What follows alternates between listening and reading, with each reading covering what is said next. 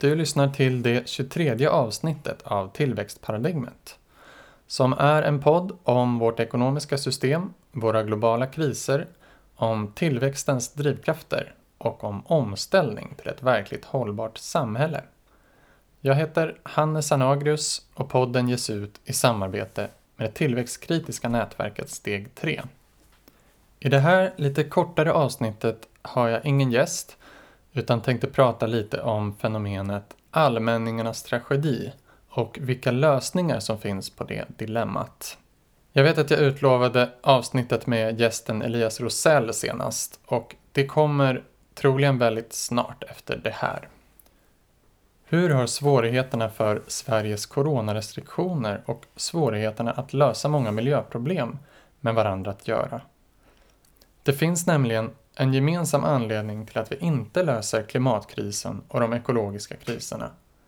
Men också till skatteflykt och fattigdom och till att vi har upprustning och inte avvecklar kärnvapen.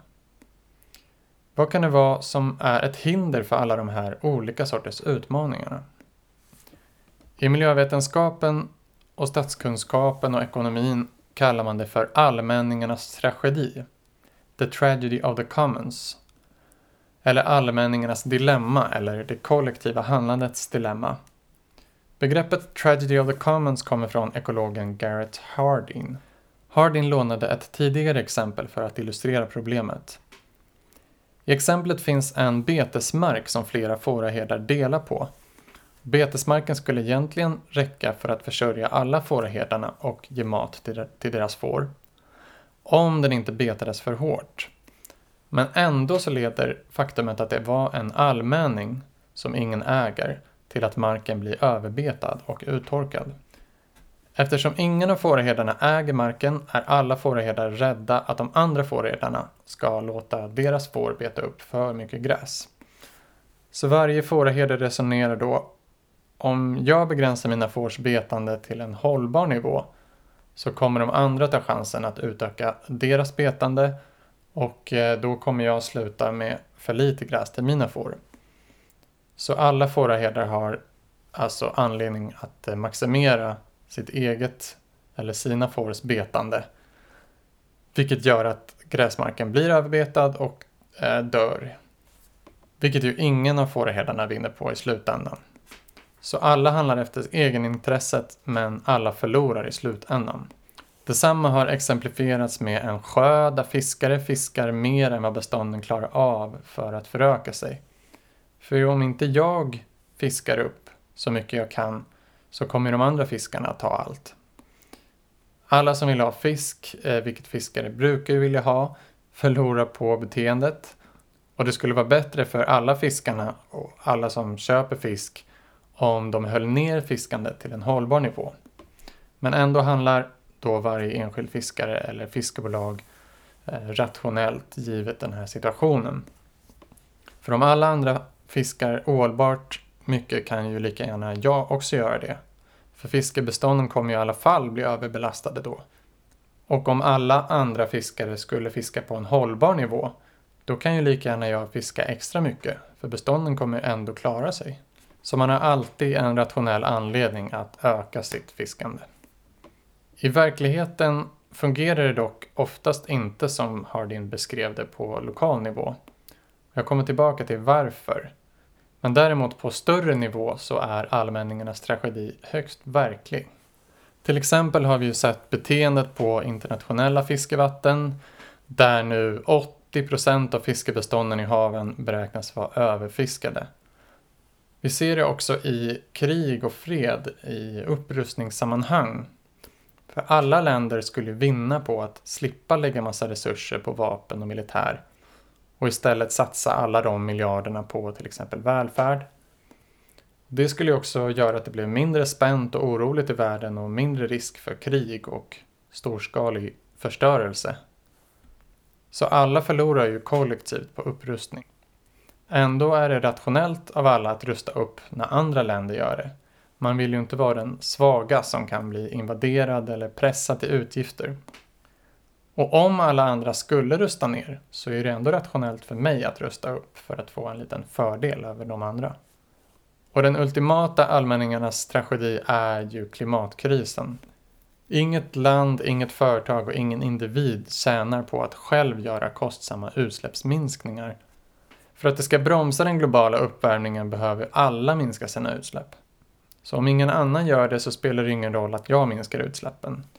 Och om alla andra minskar utsläppen kan lika gärna jag eh, släppa ut mer och vinna fördelar på det. För mitt lilla bidrag kommer ju inte förstöra klimatet. Ett annat exempel på det kollektiva handlandets dilemma är konsumentmakt och eh, alltså individens ansvar och att konsumera mer hållbart. Eh, eh eller konsumera mindre och eh, till exempel källsortering. Om varje individ ska ta ansvar för att inte förstöra jorden, då tänker ju de flesta, men varför ska jag betala mer för ekologiskt? Avstå från att köpa roliga saker eller lägga ner tid och kraft på att leta efter second hand alternativ när andra konsumerar ohållbart och planeten kommer förstöras i alla fall. Och om alla andra mot förmodan skulle ta ansvar och konsumera hållbart eller konsumera mindre eller källsortera, då gör det väl inget att bara jag konsumerar ohållbart. Här spelar ju normer in väldigt mycket och jag kommer tillbaks till det. Det är ju inte riktigt så här enkelt. Vad gäller coronarestriktionerna eller rekommendationerna i Sverige så är, skulle jag kalla det också ett slags kollektiv handlandes dilemma eller en allmänningarnas tragedi där den begränsade resursen skulle kunna sägas vara social fysisk kontakt, resor eller roliga aktiviteter med mycket människor. Det är ju en typ av resurs som vi behöver begränsa just nu. Och visserligen finns det ju rationella skäl för mig själv att eh, följa rekommendationerna för att inte själv bli sjuk. Men många är inte så rädda för viruset för egen del. Den drabbar ju friska unga mycket mindre. Och man värderar friheten att göra vad man vill högre. Så argumentet är snarare att du inte ska medverka till smittspridning i samhället som kan drabba riskgrupper eller samhället i stort. Och om många bryter mot rekommendationerna kommer ju det här leda till högre smittspridning. Men om bara jag avstår från att träffa vänner, resa eller festa kommer smittspridningen i alla fall vara hög om andra bryter mot rekommendationerna. Så då kan väl lika gärna jag skita i det eller tumma på rekommendationerna. Om alla andra följer rekommendationerna då spelar det ju inte så stor roll om bara jag struntar i dem. Det finns en viss skillnad mot klimatkrisen här man kan ibland tydligt se att ens eget handlande faktiskt kan smitta en eller flera andra personer, vilket ju inte syns särskilt tydligt i klimatkrisen. Vad gäller andra stora globala utmaningar som skatteflykt, kapitalflykt och fattigdom så är det en sorts allmänningarnas tragedi också, skulle jag säga. Eller som det också har kallats Race to the bottom. När finansiellt kapital är så rörligt som det är idag, i dagens globala ekonomi, så försöker alla länder och regioner locka till sig kapitalet genom att sänka skatter, sänka löner, sänka arbetsvillkor, miljöstandarder och så vidare. Nu är ju inte det det enda stater kan locka kapitalet med. Det kan ju till exempel vara välutbildad befolkning eller utbyggd välfärd eh, eller infrastruktur. Men framförallt i fattigare länder i sektorer som kräver mycket outbildad arbetskraft så är det ju mycket race to the bottom som gäller. Och alla förlorar ju egentligen på det här förutom ägarna av det här rörliga kapitalet. I någon mån vinner väl vi som kan köpa billiga produkter också på det här. Men egentligen skulle vi nog må bättre av kanske mer tid, meningsfulla aktiviteter och färre prylar som håller bättre. Dessutom har ofta de billiga prylarna en stor extern kostnad som någon annan måste betala i alla fall. Till exempel miljöförstöring, hälsoskador, avfallshantering.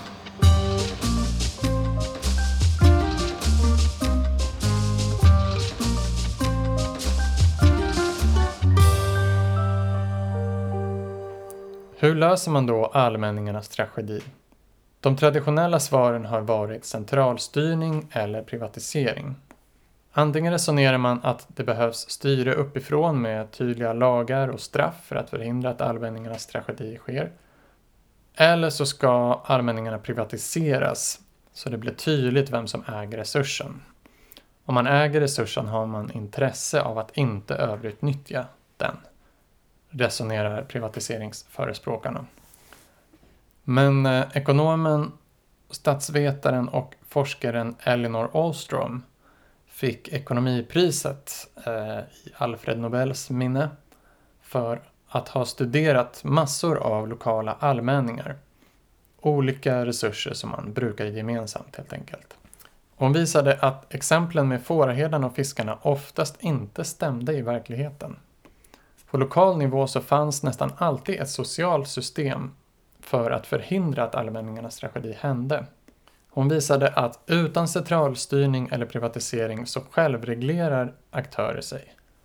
När alla får vara med att ta fram gemensamma regler och beslut om hur det ska övervakas att reglerna följs och beslut om sanktioner för de som inte följer reglerna, då kunde allmänningarna skötas hållbart.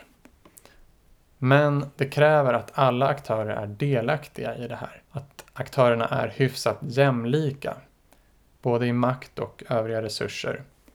Och att det finns tillit, eller socialt kapital.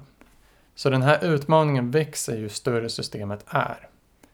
Det blir svårare när aktörerna inte är jämlika och när det finns brist på tillit. Det är därför små fiskebyar eller ursprungsbefolkningar kan bruka naturen hållbart, men inte stora fiskeflottor, multinationella bolag eller stater som konkurrerar om kapital eller om högsta tillväxten. Ett exempel på det här är kanalsystemet Subac. Jag vet inte om jag uttalar det rätt, men det är ehm, ett kanalsystem för risodling på Bali som sköts av ett system av tempel och eh, risbönder som är organiserade i kooperativ. Utan samarbete får inte bönderna längre ner längs floderna och kanalerna tillräckligt med vatten. Men genom rådslag där alla är med och skapar regler och de delvis religiösa institutioner som, som har vuxit fram så har systemet varit hållbart i hundratals år. Systemet får inte bara vattnet att räcka till risodling, dricksvatten och annat som man behöver på ett jämlikt sätt, utan bevarar också ekosystemen. Och när man på 1900-talet försökte effektivisera genom industriella jordbruksmetoder och eh, uppifrånstyrning uppifrån styrning så föll det sociala systemet nästan helt isär och odlingsresultaten försämrades. Så sen har man ändrat strategi och stöttat det gamla systemet och FN har Unesco-skyddat det. Och som jag pratat om i tidigare avsnitt så har själva industrialiseringen och urbaniseringen överallt i världen föranletts av att människor förlorat tillgången till allmänningar. Som innan oftast brukats kooperativt, ganska jämlikt och utan att utarma ekosystemen. De som fördrevs från sin mark tvingades istället bli lönarbetare i städer och industrier. I England var det enclosure-rörelsen som började redan på medeltiden men framförallt 1600-talet och sen under industrialismens början där man i effektivitetens och modernismens namn gjorde allt storskaligare jordbruk och de här reformerna gav rika jordägare mycket mer markegendom genom att stycka av allmänningar och slå ihop mindre åkrar till större. Vilket krävde våld för att mota bort alla de som försvarade marken de var beroende av. Och sen också lagar om lösdriveri som gjorde det straffbart att inte lönarbeta. I Sverige skedde en liknande utveckling med skiftesreformer som storskiftet på 1700-talet och lagaskiftet på 1800-talet. Och exakt samma process sker nu med landgrabbing i globala syd i till exempel afrikanska länder, som vi pratade om i avsnitt 13, där det är multinationella bolag av eh, ofta västerländska eller kinesiska ägare som, som tar mark som har inga eller oklara ägarförhållanden. Och monetära inkomster och BNP stiger när fler börjar lönarbeta. Men egentligen så har ju de blivit fattigare. Och för att inte tala om allt land som tagits från ursprungsbefolkningar överallt i världen inklusive Sverige, där människorna inte hade något ägarförhållande till marken, men förstås levde av den.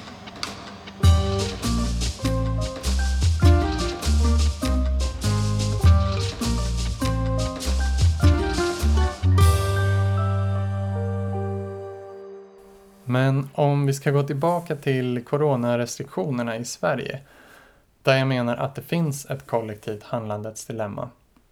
Ja, viss självreglering finns ju eh, vad gäller eh, restriktionerna. Är man oförsiktig så kan andra shamea, man får skämmas. Medan om man är försiktig så kan man känna sig duktig. Och på samma sätt kan man ju känna sig duktig eller få status genom att konsumera mer hållbart. Eller känslan av flygskam till exempel. Men det där räcker inte riktigt på en så stor nivå som ett helt land eller på global skala. Normer och känslor av ansvar och skuld inför varandra är mycket starkare i små grupper där man har relation till de andra i gruppen. Du kan påverka andra personer som känner dig eller speciellt om de ser upp till dig. Men eftersom vi lever i olika kluster och identifierar oss med olika grupper av människor så stannar ofta normer inom en grupp. Och eftersom kraften i allmänningarnas tragedi är större på en större skala och större i heterogena och ojämlika grupper så motverkar det här normerna. Snarare kan det bli en mer allmän norm att ta ganska lätt på restriktionerna. Och den mer oaktsamma hållningen blir en grund som alla måste förhålla sig till. Så jag tror det finns några olika alternativ för politiker om man vill slippa allmänningarnas tragedi. Gäller det en lokal begränsad resurs så kan man underlätta för människor att självreglera, skapa egna normer, regler, kontrollmekanismer och sanktioner. Det kräver dock tillit och jämlikhet för att det ska fungera. Och möjlighet för möten där alla får göra sin röst hörd. Så det är saker som man behöver stötta först. Det kan vara en skog många gillar att vara i som angränsar till flera tomter. I Sverige med allemansrätten har ju alla rätt att vistas i naturen. Men ägaren har ändå en stark rätt att till exempel avverka all skog om det inte bevisas då att det finns hotade arter eller nyckelbiotoper. Men även då kan undantag göras. En gemensam resurs kan också vara ett eh, gemensamt ägt vindkraftverk, ett andelsjordbruk, en bilpool, ett återvinningsrum eller en verktygs och maskinbod där många grannar kan låna saker de behöver. Det kan vara ett lokalt valutasystem som vi pratade om förut. Eller det kan vara ett företag som arbetarna äger och styr över tillsammans. Då är såklart självorganisering allra bäst. Men gäller det på en större skala blir konkreta rådslag och institutioner där alla ska delta och vara med och forma reglerna svårare. Och det sociala kapitalet finns inte där. Och ett helt land eller hela världen är väldigt heterogent och ojämlik. Tar vi den globala skalan behövs internationella avtal. De ekonomiska handelsavtalen visar ju att vi kan komma överens och komma runt det kollektiva handlandets dilemma. Men de avtalen skulle jag säga oftast inte gynnar människor i allmänhet då avtalen oftast cementerar den här race to the bottom-mekanismen och inte räknar in externa sociala och eh, miljökostnader. Eller så är miljö och de sociala reglerna luddiga, icke bindande och saknar sanktioner som till exempel Parisavtalet.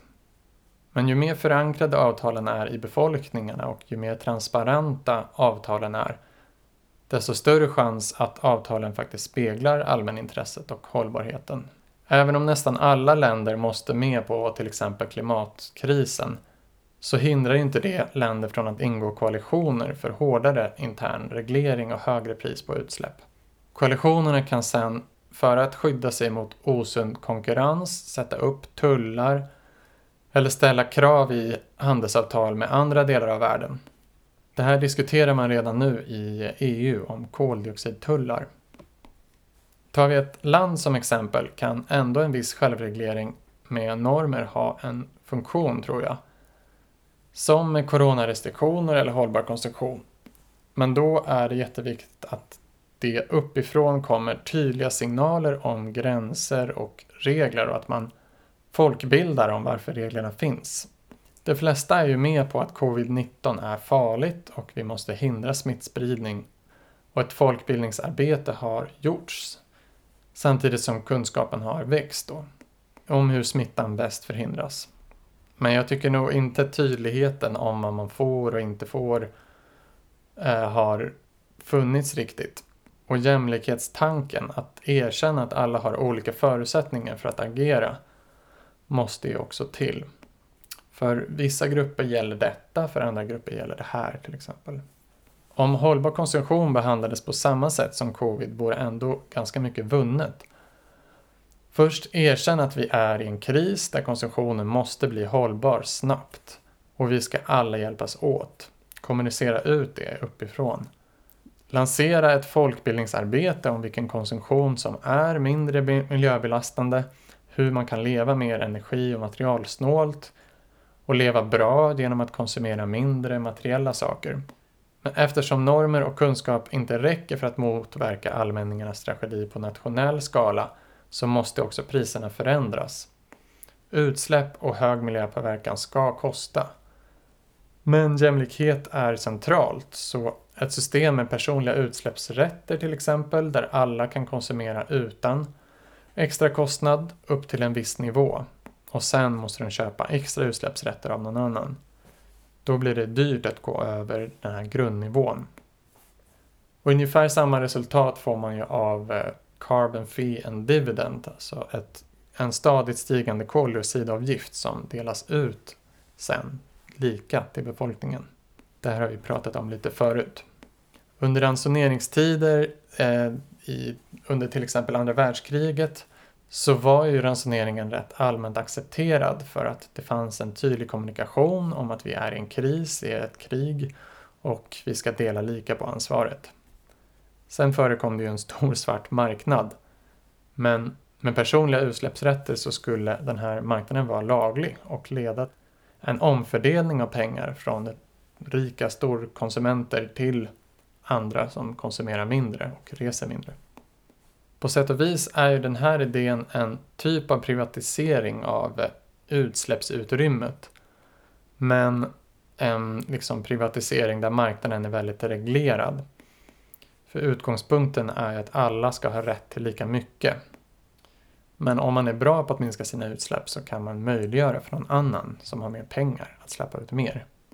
Sen, från centralt håll kan man erkänna att det handlar om uppoffringar men att de är under en kortare tid och att det är moraliskt rätt att alla måste hjälpas åt och dela bördan jämlikt och sätta upp tydliga regler. Så gäller det corona, förklara tydligt vad man inte får göra. Det får man göra och inte så grumliga formuleringar som kan tolkas olika av olika personer. Men politiken borde ju också locka med något positivt genom omställningen. Och vad var det då bättre än först och främst arbetstidsförkortning och ekonomisk grundtrygghet, till exempel basinkomst? Det skulle göra att vi kan äga vår egen tid, vårt eget liv och bestämma vad vi vill göra av den. Prioritera det som är viktigt för oss och aldrig behöva oroa oss över att inte ha det nödvändigaste. Och om vi växlade konsumtionen mot mer fri tid så skulle det vara ett av de snabbaste sätten att få ner miljöpåverkan utan att människor skulle få det sämre. Snarare tvärtom tror jag.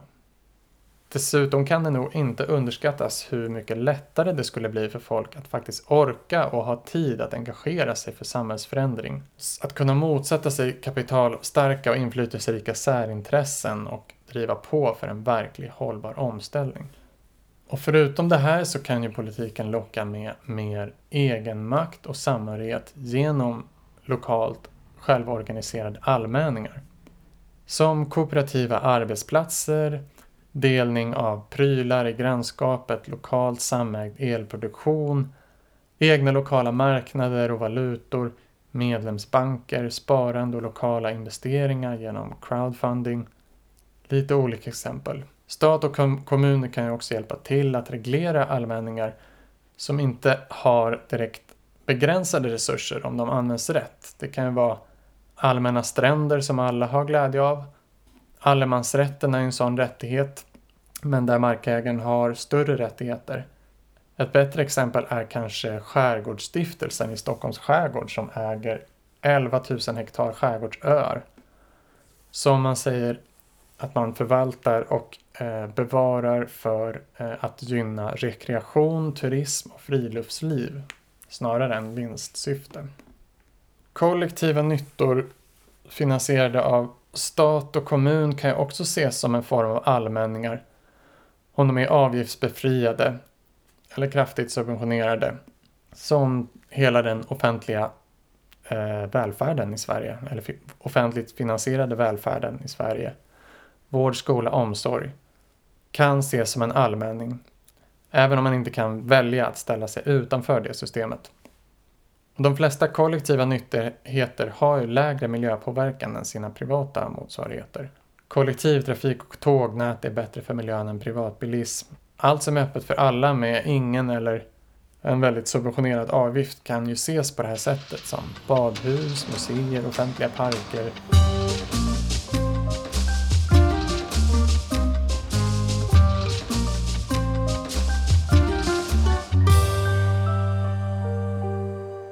Som jag nämnde innan om historien och processen att allmänningar privatiserats så är det lite liknande med offentliga kollektiva nyttor.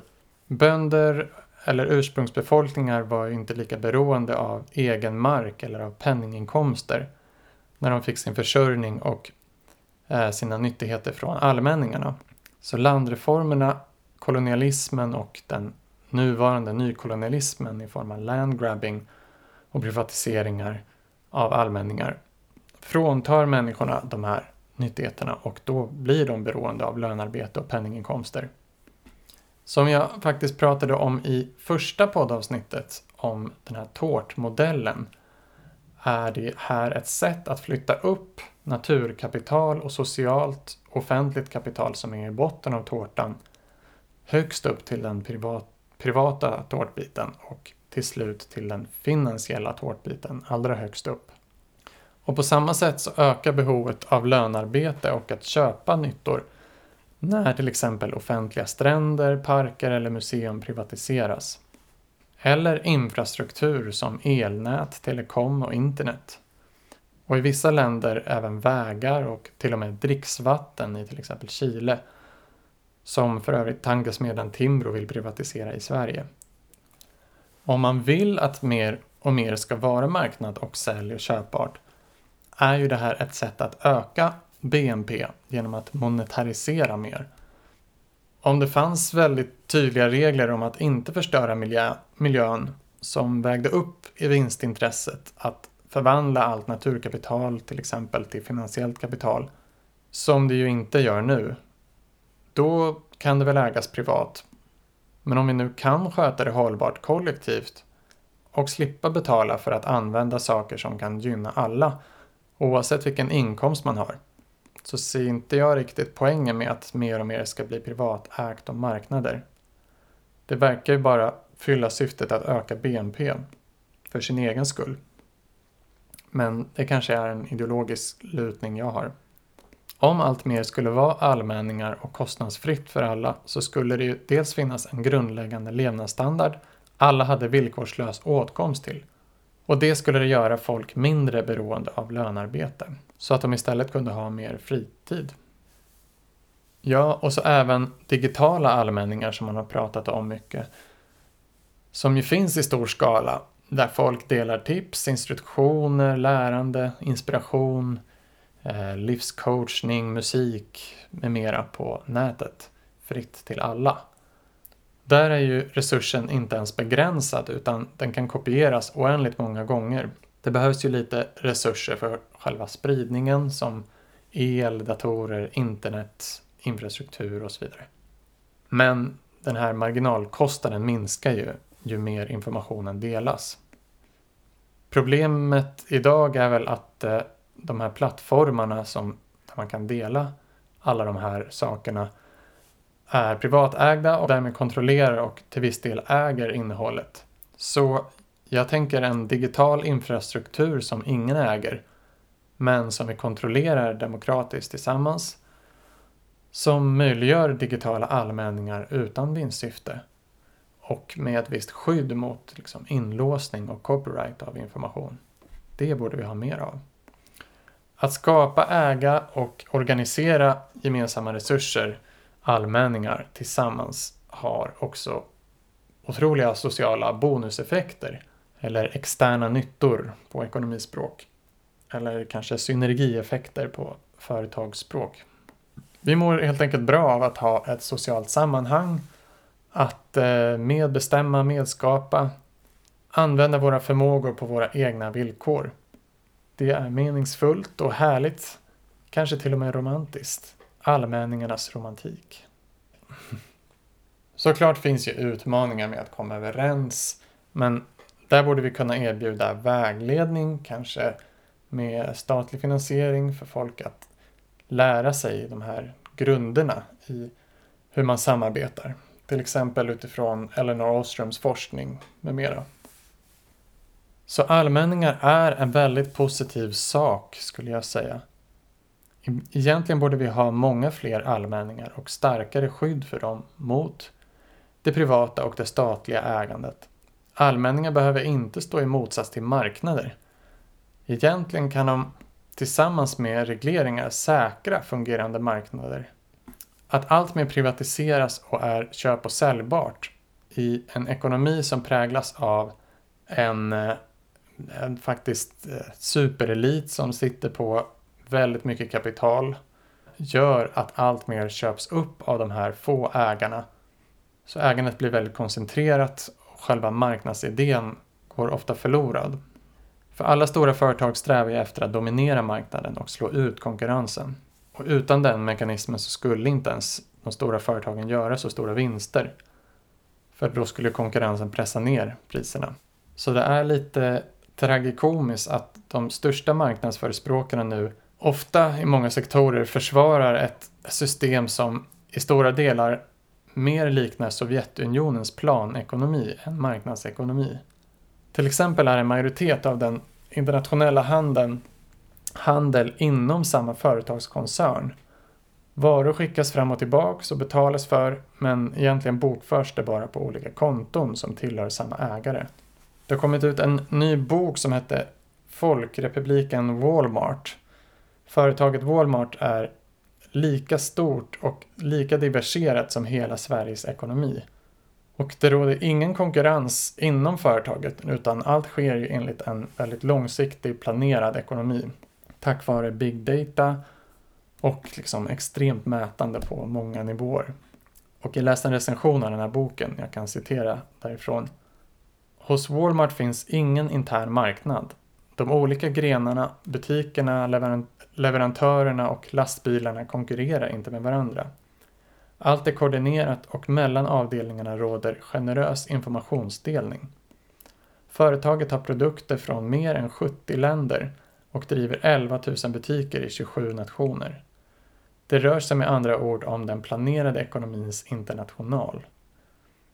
Nu skulle man kunna invända att Walmart verkar på en marknad och styrs av prissignaler.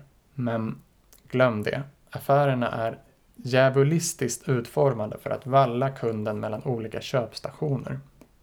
Så när stora företag slår ut konkurrenter och gör det svårt för konsumenter att välja alternativ, en typ av oligopol, så fungerar ekonomin mer och mer som en planekonomi. Så förutom reglering av marknader mot mer hållbarhet och för att skydda mindre företag och lokala marknader, så att skydda vissa sfärer genom allmänningar från att bli privat egendom och ofta också skydda från att bli statligt och centralstyrt. Det kan fungera som en balans eller konkurrens mot oligopolens makt. Men också att värna andra saker som till viss del behöver centralstyras, som offentlig välfärd och kollektiva nyttor, kan också fungera som en balans och konkurrens mot de här stora företagen. Slutsatsen är helt enkelt att allmänningar både kan vara tragiska och underbara. Det beror på om de är lokala, nationella eller globala. Och det beror på vilka institutioner och regler vi skapar. Det var allt för denna gång. Snart kommer nästa avsnitt med gästen Elias Rosell som jag utlovade tidigare. Prenumerera på någon poddplattform så ser ni när det avsnittet kommer. Och följ tillväxtparadigmet på Instagram och Facebook. Hej hej!